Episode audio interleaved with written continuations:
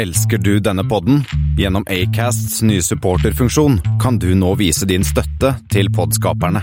Det er helt opp til deg hvor mye du ønsker å bidra med. Klikk på lenken i podbeskrivelsen for å støtte podkasten.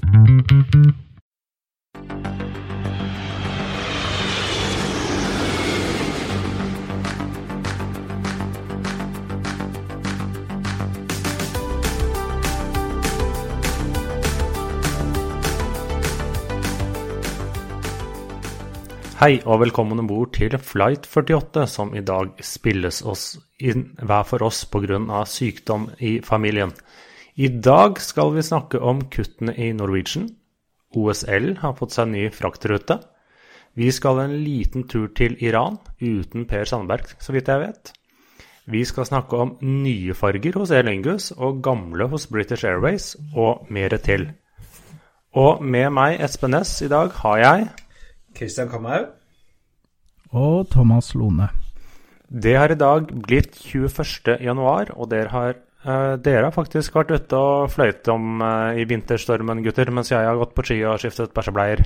Ja, det har vært litt uh, meg og Kristian traff jo hverandre oppe på Gardermoen. Han skulle østover, og jeg skulle litt sånn nordvestover, så jeg var jo avhengig av en mellomlanding i Trondheim på veien til Rørvik og alle steder. og Litt snøkaos på Oslo, litt snøkaos eh, i Trondheim, på Rørvik. Der eh, klarte de seg greit, og samme var det egentlig på veien hjem igjen. Um, så det snødde godt, det snødde tett, men jeg må jo si det òg, selv med de snømengdene som kom ned, så banene holdes åpen, flyene går som ja, relativt på tiden, ble vel en time forsinka, men eh, ja, hadde dette vært i London, så hadde jo hele flyplassen stoppa, så um, ja, vi skal vel egentlig ikke klage så mye, selv om det er litt kjipt å vite at du kommer hjem klokka elleve istedenfor klokka ni, sånn cirka.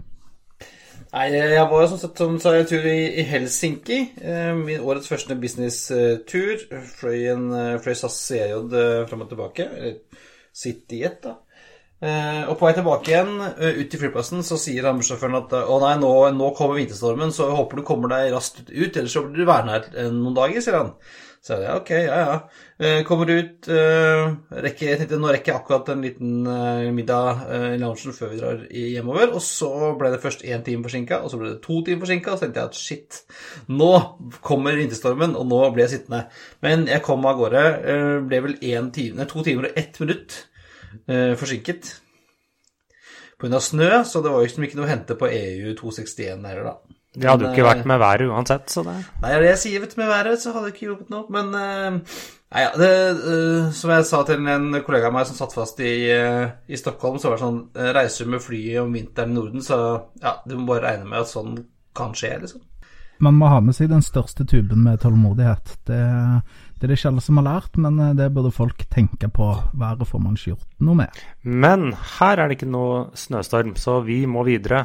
Thomas, du har eh, sett litt på Flight 48 ute i den store verden. Yes, det er jo eh, mye å ta av når vi snakker om Flight 48. Eh, vi kan jo starte med Etiad Flight 48, som går eh, Dubai til Abu Dhabi. Går med en eh, Nei, ikke, eh, nå leste du feil, eh, Thomas. Det er ikke Dubai, Dub er ikke Dubai, vet du. Det er jo Nei. Dublin. Unnskyld, det er det. Det er litt seint på dagen. og jeg, jeg er jo sykepleier om dagen, så det går litt i surr. Det er ikke DXB, men det er DUB. Ja, Dublin til Abu Dhabi, og det er en A330 som går der. Så har du British Airways 48. Går fra Seattle til London Heathrow. Går med en 777-200 ER. Og så er det jo mange flighter som er under 100, disse lave vi er på nå. De går jo ofte ganske langt. Du kan jo gi noen andre eksempler på det. Ja, du har Delta 48, som går JFK Amsterdam. American Airlines 48, som går mellom Dallas Fort Worth og Charles de. Eh, du har eh, Emirates 48, Frankfurt, eh, Dubai. Og du har Air Canada 48, som går mellom Kona og Vancouver. Det vil skje sånn helt long haul, sånn litt sånn medium haul, en fem-seks timer der.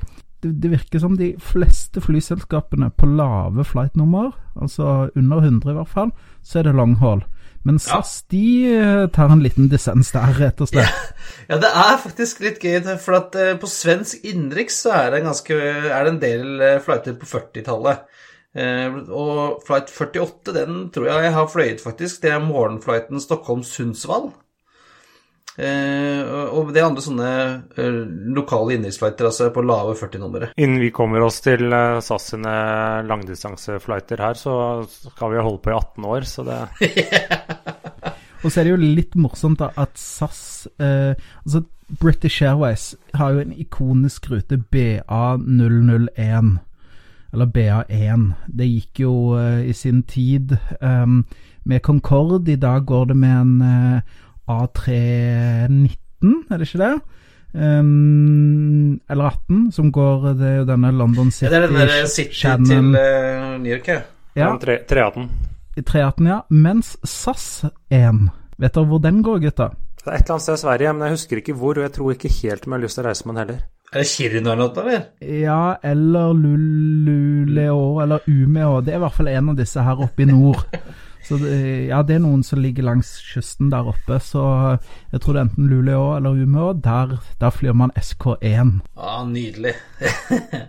Så det var dagens eh, sånn flight nummer-nerding for de som liker det. Men for å komme til eh, dagens første tema, Thomas. Vi fikk noe nytt på Gardermoen denne uka. Langt om lengre og lenger enn langt, som de sier i eventyrene, så har vi endelig fått eh, første direkterute til Kina fra Norge. Eh, Det er ikke snakk om passasjer eh, denne gangen, men det, det kommer jo litt utpå våren, starter jo det. Men nå er det snakk om frakt, og det er Air Cargo Global som skal være på Gardermoen to ganger i uka. Det er snakk om torsdager og lørdager med en god, gammel 747-400 frakter.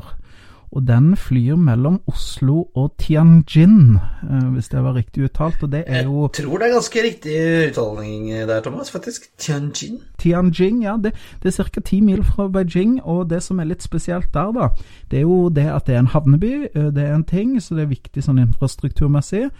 Og så er det jo faktisk der Airbus setter sammen sine kinesiskproduserte maskiner. Eh, Så det for folk som er litt eh, luftfartsinteresserte, så er Tianjin en, eh, absolutt en by å merke seg.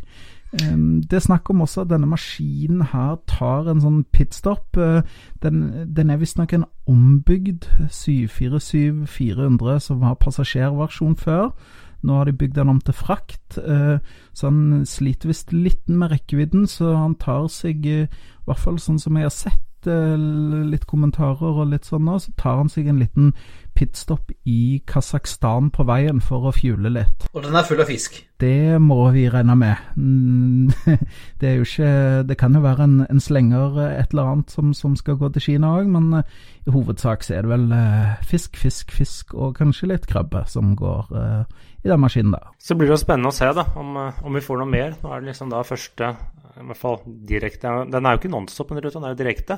For tidligere så har man jo hatt Eller man har jo en eller annen som går Er den som går via Seoul og så til Shanghai, som, som blir sånn veldig via-via eh, av kinesiske fraktere. Men her er det jo første da som går eh, ja, Som er liksom kun tiltenkt det kinesiske markedet, slik jeg har forstått. da, Så blir det spennende å se om det, om det blir mer, om eh, kineserne får lov til å kjøpe norsk eh, laks.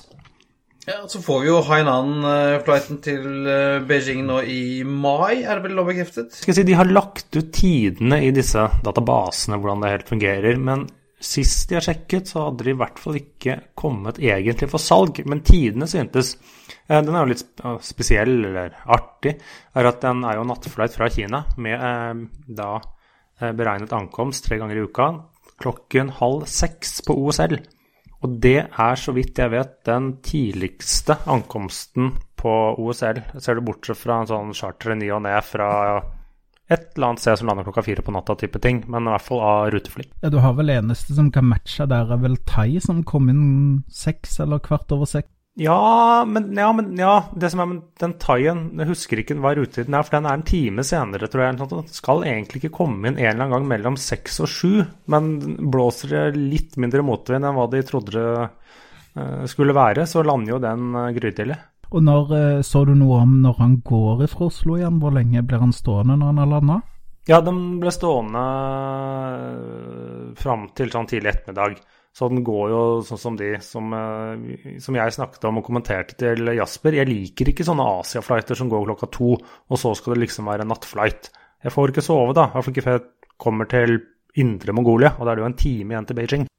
Men man får se. Jeg syns det er i hyggelig at det kommer en til eh, aktør, eh, og da vi får endelig en kinesisk rute. Eh, så blir det jo spennende å se. Skal det bli noe vekst her, så må man jo faktisk ha nye luftfartsavtaler. For når da Hainan starter med tre ukelig mellom Kina og OCL, så er det slik jeg forstår det da, er man brukt opp kvoten for kinesiske selskap mellom Kina og Skandinavia. Man har vel én igjen, én flight i uka, tror jeg. Er det ikke man Med de tre som kommer, så er man ikke da oppe på 20 av 21?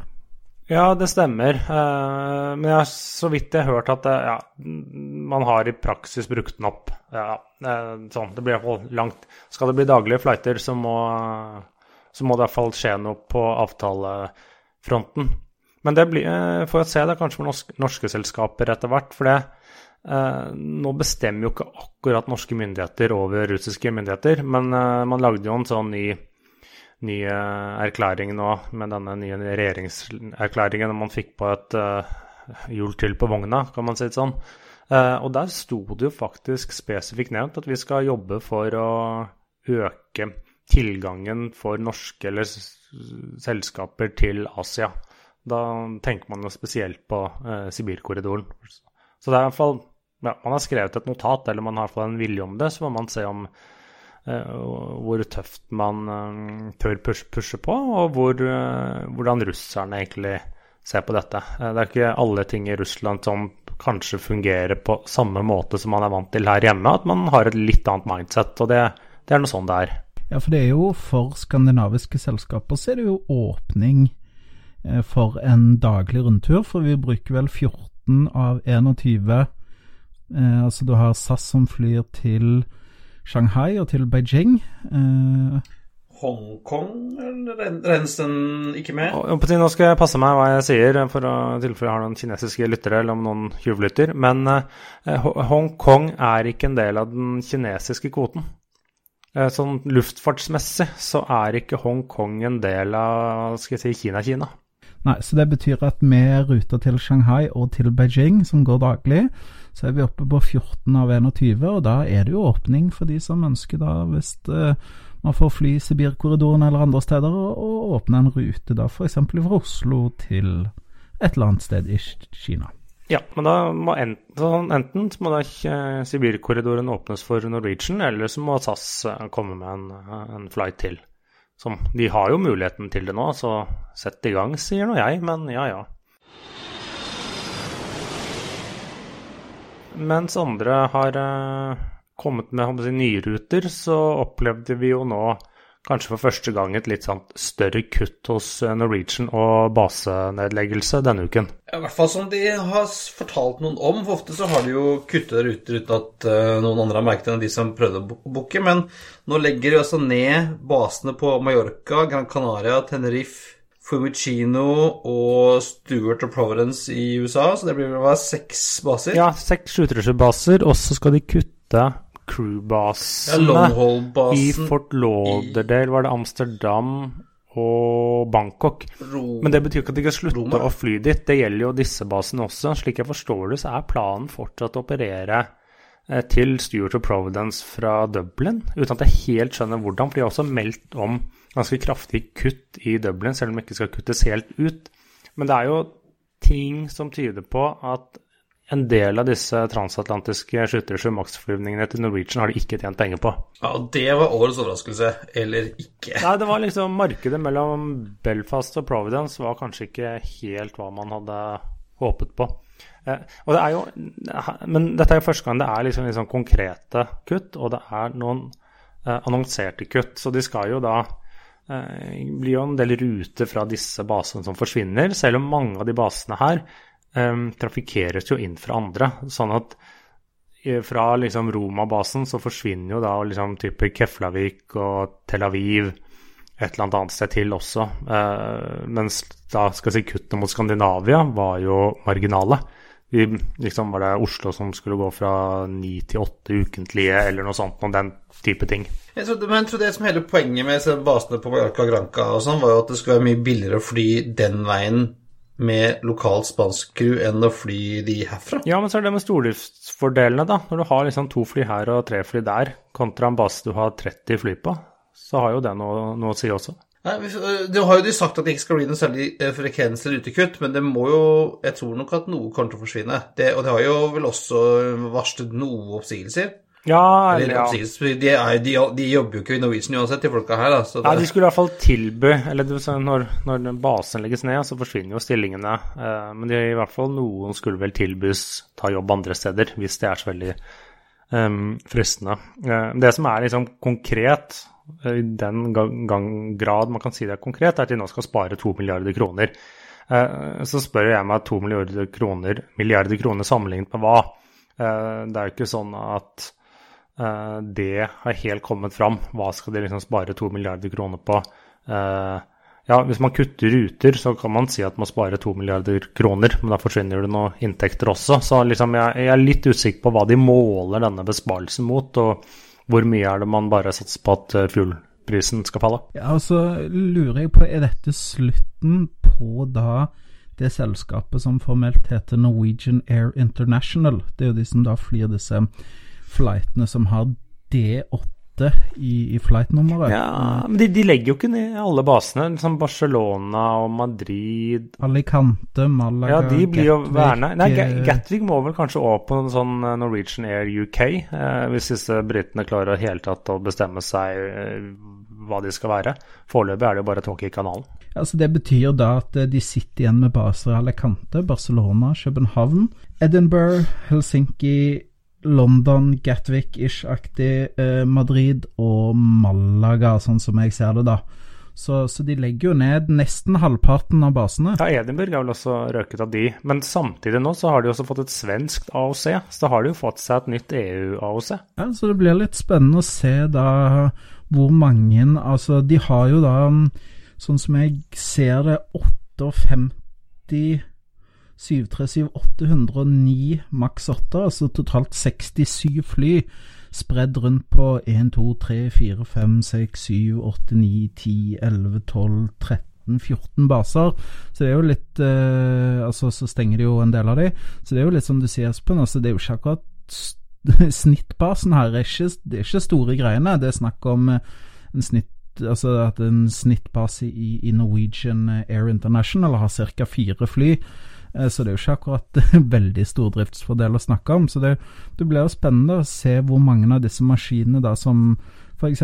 skal til Sverige, kanskje noen havner tilbake i Norge, kanskje andre går til eh, Norwegian i UK, så det blir jo spennende å følge med på. Og Argentina, ikke minst. Og kanskje Chile og Brasil. Kanskje de får mer Norwegian-maskiner. Det er jo Ja, det vil jo tiden vise. Men mens vi nå er eh, godt utaskjærs, skal vi en, legge fra oss mobilen og ta en tur til Iran, Kristian? Christian? Vi tar en tur til Iran. Eh, Bahares eh, sier jo at det er et flott sted å være. Eh, men ja, det er faktisk litt Iran-nyheter denne gangen. Det begynner med at verdens siste passasjer 727 i kommersiell drift har landet. Eh, det var, det var, en krøkkete måte å si at verdens siste eh, regulære passasjerflight med 727 eh, skjedde nå forrige søndag, den 13. januar, på en innenriksflight mellom Teheran og Skal jeg prøve å uttale det riktig Den byen som heter Zahedan. En to timers flight fløyt av Iran Aseman Airlines med den siste 727, da, altså en, en, maskin som var, var 38 år gammel. Eldre enn deg, Espen. Ja, ja, da, da er det på tide, på tide å legge inn årene, er det ikke det? Fins det jo fremdeles en del 727-er igjen i frakt, og noen sånne corporates også, men det er altså den siste eh, Hvis du skulle ha fløyet 727 i rutetrafikk, så var det altså den siste sjansen eh, for en uke siden. Har du fløyet 727, eh, Espen? Thomas? Nei, det har jeg ikke. Ja, jeg har, eh, jeg har et, eh, flere. Jeg rakk jo å fly med gamle Stirling. Ikke de som gikk konkurs for jeg vet ikke, ti år siden, eller når det var, men før der igjen. Oslo til Alicante. Og så har jeg vel fløyet United, en 727 på vestkysten av USA. Jeg har også fløyet den samme som deg, både, både Stirling og den andre Stirling European. Jeg har fløyet eh, noen sånne chartergreier med Ja, det var det det het. På, 727. jeg fløyet begge de. Eh, Ja. Det var jo same, same, same, men litt annet navn. Same, same. Og, Ja. Og så har jeg vel fløyet American eh, ned fra Chicago til Houston, og så har jeg tror jeg fløy en uh, 727 med Continental fra Houston til uh, New York en gang, faktisk, på 90-tallet. Men nå er det slutt. Hvis ikke du kan bla opp litt cash da, og leie inn de få corporatesene som finnes igjen. Ja, så er det jo, det er jo eh, slutten på en, eh, en veldig sånn en nisjeindustri dette har begynner å bli nå. fordi at det har jo vært eh, et par reiseselskaper som har spesialisert seg på sånn eh, luft... eh, det safariturer til Iran. Um, Fly, flygende museumere. ja, som, som tok med seg et lass med folk fra Europa og andre steder, og så dro de til Iran. Så hadde de organisert turer der de har lest noen av disse turene. Det er sånn Ja, de rakk tre legs med en 707 den dagen, og så hadde de flydde de noe Illusion 62 eller et eller annet sånn eh, dagen etterpå, og så var det en tur med su- 727, og så ja, var det en 737-200 og litt sånn forskjellig, så det var veldig eksotisk. Um, men eh, de, jeg tror de ser businessmodellen sin bare holdt jeg på å si eh, korrodere foran øynene deres, for nå, nå begynner jo Iran, De klarte jo å få en litt nye fly i Iran, og de gamle ja, de ryker én etter én. Ja, for nå var det jo en Boeing 707 som vel fløy for myndighetene, slik jeg forsto det, og de landa jo ikke der de skulle.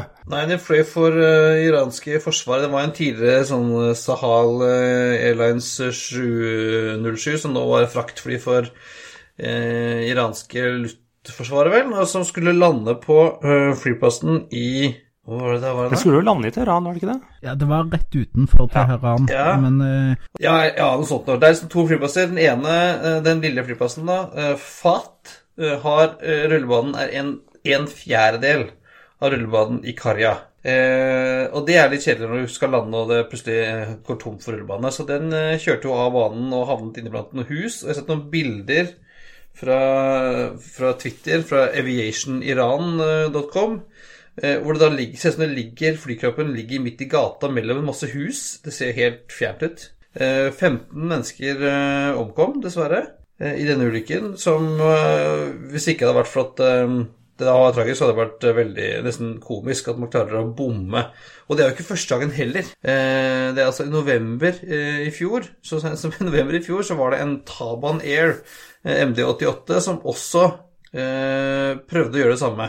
Å lande på denne flyplassen FAT eh, to ganger til og med, før de skjønte det, og så gikk, klarte de å flytte til Men det tyder jo på litt sånn Det er jo et eller annet i luftfarten der som ikke er helt top notch. For det er liksom Du har Iran, du har Kongo, og du har Indonesia. Der, det, der skal det skje minst en ulykke i året. Ja, og, det, og også Når det gjelder Iran, så tror jeg det har mye å gjøre med at de har, altså, de har jo mye gammelt ræl uh, på flysiden.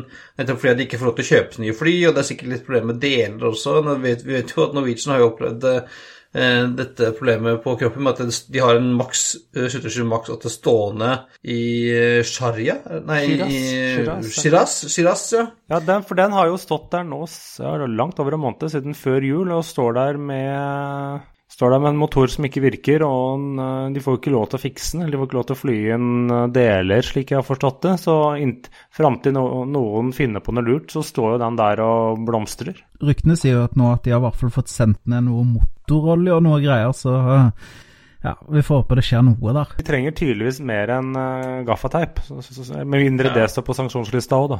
Altså, jeg tror at uh, Et tips til eh, folk som driver med menneskesmugling og narkotikasmugling og sånn uh, Dropp det og heller begynne å smugle flydeler til Iran, tror jeg kan være lønnsomt. Bare en digresjon da, mens vi er i Iran, så så jeg jo det at um, det har vært en diskusjon da på, ne på nettet. Hvorfor kan de ikke bare ta av med én motor? Eh, Flyet kan jo fly med én motor. Eh, så dette bør ikke ha noe problem. Og da tenkte jeg nei, dette høres fornuftig ut. Og så litt lenger nede så var det en eh, som tydeligvis kunne dette skikkelig godt. Om han var pilot eller ikke, det, det tilkjennega han ikke. Men utfordringen der er jo hvis du finner noen som er crazy nok til å ta av med én motor, så eh, roret Altså, hvis du tar av med en motor, så vil jo maskinen gå veldig skeivt. Eh, så roret er ikke effektivt før ca. 110 knop. Ja, og innen da har du dratt av banen? Og innen da, så du, da må du gasse så forsiktig at da har du ikke mer bane igjen. Så, så du trenger en sånn 10 km rullebane for å komme deg av gå opp med, med én motor. Eh, for å komme deg trygt opp da med en 737-8 Max. Så det ja, det, løsningen er nok å få ned en ny motor, eller deler, eller hva det nå skulle være. det er jo ikke lov, da. Så jeg tror kanskje løsningen tror jeg kanskje må et slutt på å være at de flyr ned en sånn der, hva heter den der Dreamlifteren? Ja, stemmer. Skrur av vingene og halen og dytter den inn i Dreamlifteren og flyr ned til Oslo, tror jeg er eneste løsningen. Det høres eh, billig ut. Men det er jo noen flere iranske selskaper nå som, eh, om ikke de ble satt på bakken, så var det Mahan Airlines. De har jo tidligere bl.a. fløyet på København det fikk de ikke lov til etter en liten stund lenger, men de har også bl.a. fløyet til Tyskland. Eh, og de, eh, de sto jo på sanksjonslistene selv når den lille perioden Iran ikke hadde sanksjoner, for de er såpass tett knyttet til ymse grupperinger der nede. Som, ja, De er jo eid av den iranske revolusjonsgarden, ja, faktisk. Ja, og har noen veldig tette bånd til etterretningen. Og de har drevet med litt sånn cargo-virksomhet til Syria. Og det var ikke laks de fraktet, for å si det sånn. Det var mer eh, eh AK-47. Eh, apropos forrige ukes flightnummer. Eh, og, og, litt ymse saker. Eh, så nå har også tyskerne sagt at dere får ikke lov til å, å fly til oss lenger. Nei, altså jeg tror uh, Iran uh, det De trenger et hjelp. Per Sandberg, hvor er du? Han kan jo bli, han kan jo bli ny luftfartsminister i Iran. Han, uh, han kan jo sin samferdsel, han, så han får nok rydda opp der nede. Skal vi hoppe videre til et sted vi har vært før i dag, Thomas? Ikke yes. Dubai, men Dublin? Det er det fra et grønt land. Iran har jo litt sånn offisiell grønnfarge til et annet som er grønn-oransje. Vi drar og snakker om Air Lingus, og um, de har eh, hatt flyene inne i uh, Eller det første flyet har vært i lakkeringshall og kom ut, og det ser fresh ut. Det ser bra ut, men har vi sett det før, Christian? Ja, altså, hvis, hvis vi, kan vi skal jo selvfølgelig legge bilder av denne ut på en liten video, tror jeg vi skal legge ut faktisk på flypodden.no. Men altså, det ser jo litt Tenk deg Lufthansa, men ta bort uh, tranen og putte på en, uh, en trekløver.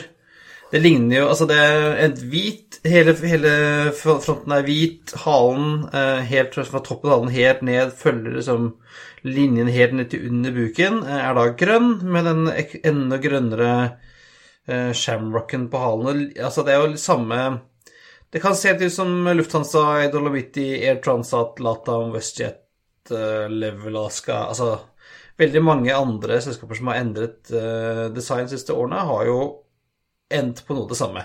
Hvit kropp, farget hale og litt sånn smal font. Jeg syns jo det, det er jo fint, men jeg jeg savner litt det gamle som var sånn, hvor du hadde grønt tak, og det var, liksom, det var litt mer farger. Men, men, i motsetning til et par andre, så har i hvert fall disse malt motorene og noe annet enn hvite.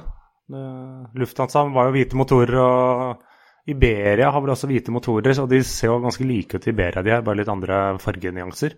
Eh, men her er i hvert fall de, denne nye Det er ikke det at de bare har eh, endret logo og flyttet på grønnfargen, det er jo en ny type grønnfarge òg. Den er jo litt sånn turkis, er det det? er vel eh, det som vi eh, i min eh, forrige arbeidsplass kalte for petroleumsgrønn, er det vel? Tror jeg det ligner veldig på Lindorf-fargen, eller DNB-fargen. Litt sånn i det, den sjatteringen, litt blåere. Ja. Men altså, litt, litt annen Nå ser jeg disse, Denne trekløveren har nå blitt tre hjerter. Faktisk litt tydeligere tre hjerter på. Så det er også litt søtt. Men de er jo i hvert fall på offensiven, ikke bare nye farger. De mottar, mottar sine første sånne E Airbus A321 long range senere i år, så de skal bl.a. sette inn på en del nye transatlantiske ruter. Og, så de, de, satser jo i hvert fall, og dessverre så ses jo ikke de på noen skandinaviske ruter lenger. Men de ja, og med de 321-ene så skal vel de gi Norwegian litt konkurranse òg, tenker jeg? på Dublin transatlantisk? Ja, for da har de noen andre uh, fly enn bare disse store Airbus 330-ene sine, slik at de også kan fly på litt uh, mindre, mindre, destinasjoner. Uh, jeg har sett noen sånne hvordan de skal se ut. De har en sånn fullverdig business class som man, for long haul, så man kan jo risikere å få de mellom turene på litt sånn europeiske ruter, har de sagt de skal bruke dem til. For det er jo så kort mellom Irland og østkysten og USA at de rekker liksom tur-retur uh, til Providence eller Hartford, tror jeg skulle skulle fly dem til. Og så rekker det liksom en tur Dublin, vet ikke, Paris eller London mellom der også. Som du var inne på, så, så flyr du ikke lenger til Skandinavia. Um, har vi noen tanker om hvorfor det? Altså, Er det konkurransen på Oslo-Dublin som er for stor, eller er det konkurranse, eller f.eks. Oslo, da, eller Stockholm eller København, eller eller er det rett og slett det at det kanskje ikke er nok feed, at det er stor, for stor konkurranse f.eks. på USA-rutene? Det er sikkert en kombinasjon av alt mulig, for de har jo prøvd seg både på Stockholm og København. Det er ikke så mange år siden de la ned den. Samtidig som da er Norwegian og SAS eh, sterke. Og Ryanair. Ja, Ryanair er vel også inn der. Og det er litt den derre som uh, Jasper litt var inne på forrige gang, at uh, det at uh, to selskaper flyr, det skaper en brukbar konkurranse, men går greit. Men når en tredje aktør skal inn på, hva skjer da? Ja. Det er tøft. Uh, og her snakker vi om en fjerde da, i tillegg, når du snakker om Ryanair, Norwegian og SAS allerede, og så skal du ha uh, Air Lingus inn så ja. Uh, og så gjør de jo sånn som SAS, da. De får inn uh, A350 òg, fra 2020, så det er ikke ja, bare Ja, nei, jeg tror, de har, eh, jeg tror de har eh, skjøvet litt på de, slik jeg forstår det. Men jeg er ikke helt uh, sikker. For jeg tror de heller har tatt, uh, fått inn noen relativt nye Airbus A330-300 og litt sånne ting. Så jeg er ikke helt sikker på om de kommer. Men uh, jeg leste også et intervju med han Willy Walsh i dag. Han pratet annet litt om Norwegian uten å egentlig ha noe nytt å komme med. Han sa akkurat det han sa for et halvt år siden. Men han sa nå at Air Lingus var det mest lønnsomme selskapet i IAG-gruppen i fjor. Hmm, det er jo litt spenstig og litt overraskende, vil jeg si. de går liksom litt under radaren, men det er klart da, da, klarer de å få en god og fornuftig drift da ut fra Dublin, tydeligvis. Ja, de er, de, de er, gode på De har sin styrke på transatlantisk og er nok gode på det. Men mens de har jo nye farger, da, så kommer da søsterselskapet British Airways. De har nå eh, kommet med noen eh, si, gamle farger. De skal jo nå male om fire eh, fly. Eh, slik jeg forstår det, skal samtlige være eh, Boeing 747-varianter. Og første kommer jo nå i disse gamle Boak-fargene. Åh, jeg gleder meg. Det, å, det ser fantastisk ut. Vi legger selvfølgelig dette bildet også ut på Flypoden, men det er altså den eh, De tilsvarende fargene som Boak hadde når de fikk 747 sånn tidlig 70- eller seint 60-tall med The Speedbird på halen og Ja, det, det, ser veldig lekkert ut. Gleder meg. Og så regner jeg vel med at det kommer en såkalt av de Landor-fargene, som den fargeskjemaet som kom på 80-tallet, som 747-400-maskinene originalt var levert med. Ja, Tenk på den mørkeblå, så har du den der andre Landoren med den uh, røde Ja, Var ikke det litt sånn hybrid-test eller et eller annet at den ikke ja, Den holdt jo på ganske mange år, da. Det var den som kom først. Ja, gjorde den? Eller var ikke det en sånn Når det var British European. Men så er det også to farger ting, eh, fargeskjemaer til, som antar da skal komme uten at jeg helt vet hvilke de er. Men eh, så får man se. Men først Det er vel sikkert den British European-saken med, med, Union Jack på halen, vil jeg tro. Som eh, du hadde rett før fusjonen Boak og British European, eh, som ble British. Jeg tipper at den kommer til å komme. Og ja, så ser vi annet dukker opp. Kan, du har jo også sånne ting som British Caledonian og Danair og et par andre selskaper som også har gått opp i, i BA gjennom uh, ja, årene. Ble, ble det ikke også grunnlagt sånn der British Imperial Airways eller noe sånt nå, så du har noe de Ja, du har noe gammelt. Altså det, jo, det blir jo litt kjedelig, da. De, de, var jo sånn sølvgrå bare, med Union Jack på halen, så ja, vi får se. Veldig tøft at det, de gjør, BA gjør dette, og det henger jo sammen med at de feirer 100-årsjubileum som selskap. Og første maskin kommer da, eh, skal da ankomme Heathrow fra maleverkstedet 18.2, ifølge British Airways. Og for de som vil følge den på flightradar, så er det da individ eh, Golf Bravo Yankee Golf Charlie. Men eh, Christian, eh, vår venn i moteverden og eh, helfrelst moteblogger, spaltist og eh, moteguru. nå trenger vi din eh, hjelp og dine tilbakemeldinger, for nå har United Airlines meldt seg på med uniformer for sine, hold det fast, 70 000 ansatte. og hva syns du, Christian? Ja, jeg kan jo begynne med å si at dette er jo eh, en uh, fin oppfølging. Både Southwest og Delta American har jo uh, siden på siste årene lansert nye uniformer, og nå er det da United som uh, skal ha uniformer, nye uniformer til alle sine ansatte både cabin og cockpit og det som vi kaller for overwing, som er da eh, fly Altså ansatte på flyplassen eh, som snakker med passasjerene. Og så er det underwing, som er eh, stuere og tekniske og alt sånt. Det er 70 000 ansatte. Så skal nye uniformer. Og de har sluppet bild, første bildene av det nå. de sier nå at dette her kan hende det kommer noen justeringer, for nå skal de bruke et års tid på å gå seg inn og teste og se om det funker.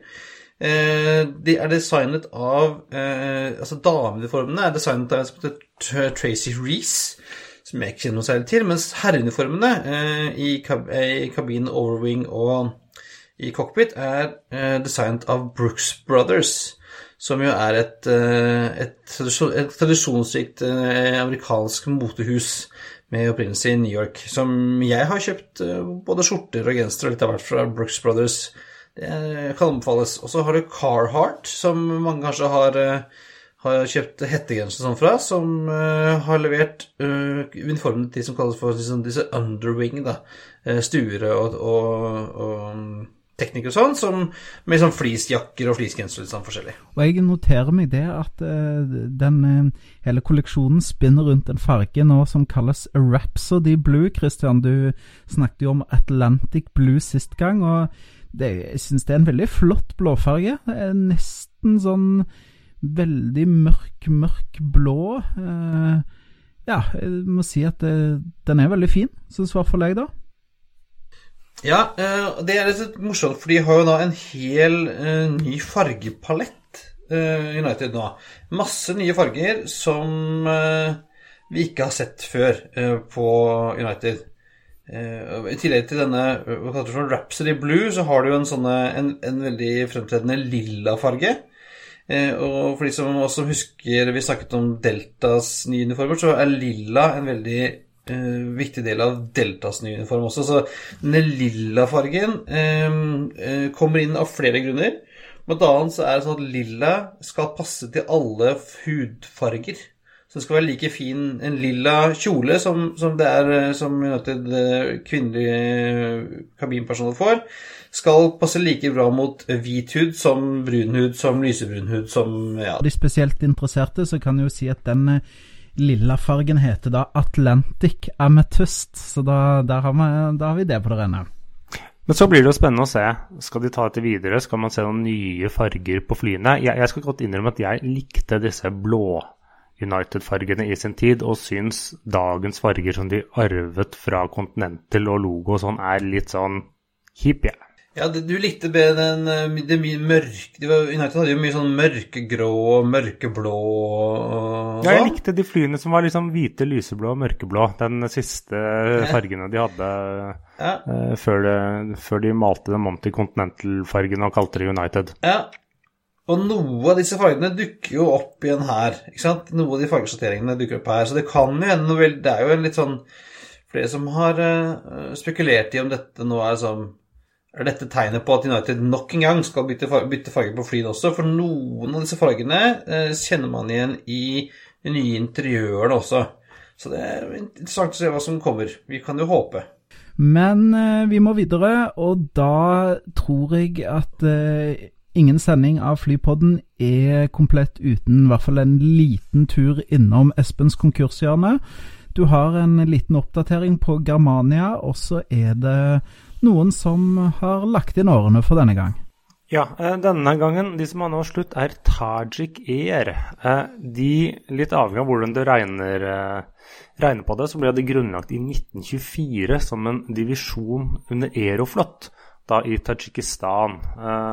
Så de har egentlig holdt på lenge, selv om du kan si de het jo Aeroflot også lenge. Så ble de da selvstendige både som land- og flyselskap i 1991 og har fløyet med litt sånn ymse, ymse saker rundt omkring. De var eiet av staten der. Hadde én hver av en 767-er, en 737-300, en 737-400 og to 757-200. Og har nå blitt Så en enhetsflåte? Skikkelig enhetsflåte. Og har nå blitt utkonkurrert av det private selskapet Somon Air.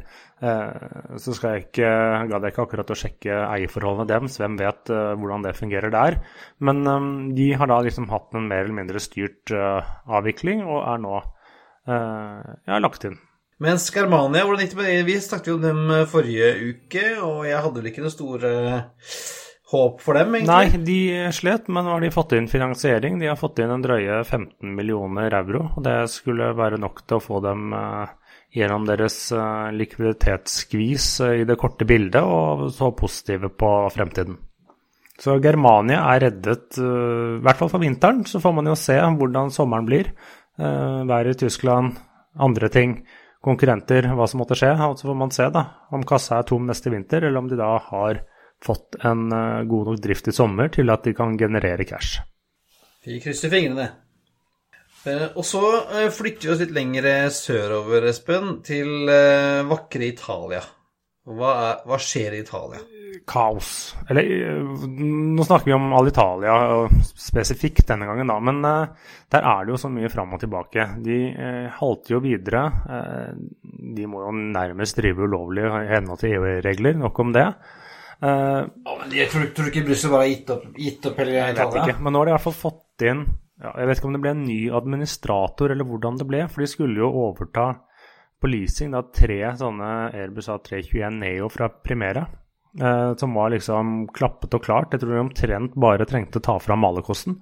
Eh, men så ble det kansellert. Så man liksom tilbake til scratch. For de skulle jo bruke disse maskinene for å kunne pensjonere. De har jo noe blant de eldste 321-maskinene der ute liksom for å få et nyere der for å kunne liksom drive litt billigere. Det var det som var eh, tanken der. Så det blir jo spennende å se uh, hva som skjer. Men de halter nå videre. De har kjøpt tilbake bonuspenget sitt for en slikk og en ingenting. Eh, men så får man se, da. Disse, denne nye eierstrukturen er jo ikke helt bestemt. Det eneste man vet, er jo at lokale varianten av jernbaneselskapet der nede skal være hovedeier. Men så liksom plutselig så er det, de skal gjøre litt sammen med Lufthansa. Nei, nå var plutselig KLM og Air France Og Delta plutselig nå? Ja, interessert. Ja, så snakker noen om Delta. Uh, men jeg tror det er mange Jeg tror det er en god miks av rykter og så tror jeg det er mye ønsketenkning fra italienerne. er At dere kommer med penger, og vi styrer sjappa. Det har det jo vist seg at det klarer de jo ikke. Nei, eh, altså Men det der eh, Alitalia, det humper og går, altså. Det, den, den tør jeg ikke å sette noe champagne på, Espen, og den ryker. Nei, den der har jeg syns jeg er for dårlig odds òg. Du vet, jeg bare better når jeg har gode odds, jeg, Christian. jeg vet det. Ja, men eh, skal vi si at det var eh, det var uh, ukens flynyheter. Dette er jo en del av vår, uh, vår, uh, vår restrukturering av flypodden også, hvor vi kjører en, en, sending med kun nyheter og, og, slarv. Og så har vi en neste sending hvor vi kjører nyheter og slarv og et ja, tema. Neste, neste uke blir det tema. Vi har vel ikke helt bestemt oss ennå. Og vi er jo også åpne for innspill.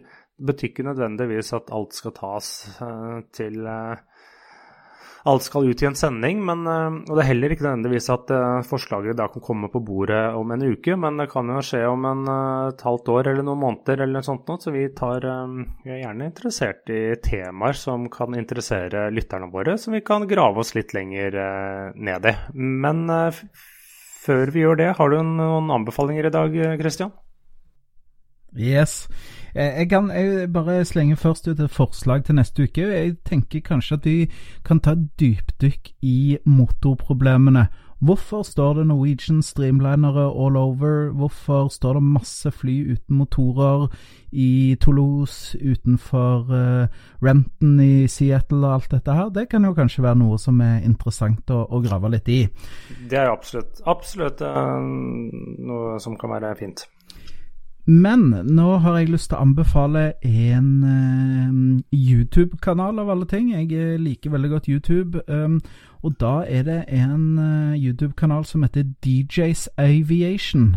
Den har en del morsomme ting som de legger ut. Um, de snakker veldig mye om bransjen, men så er det litt sånn spekulative ting òg.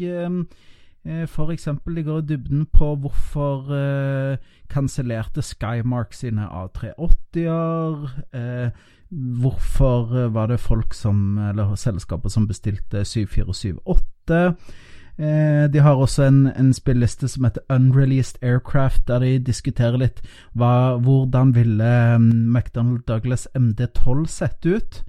Eh, hvorfor eh, finnes det ikke en, en 747-versjon som heter, hold dere fast, CMCA?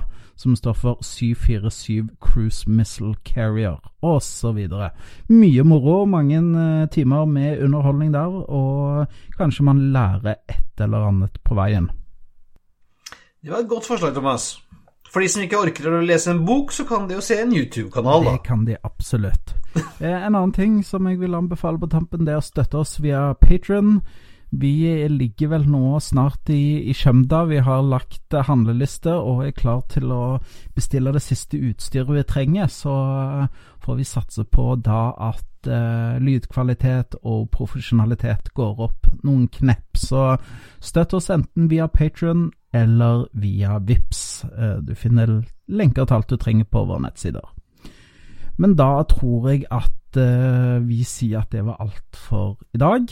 Um, det er på tide å feste sikkerhetsbeltet, rette opp setet, sikre fri sikt ut av vinduet og slå sammen laptopen og kaste den opp i sekken din.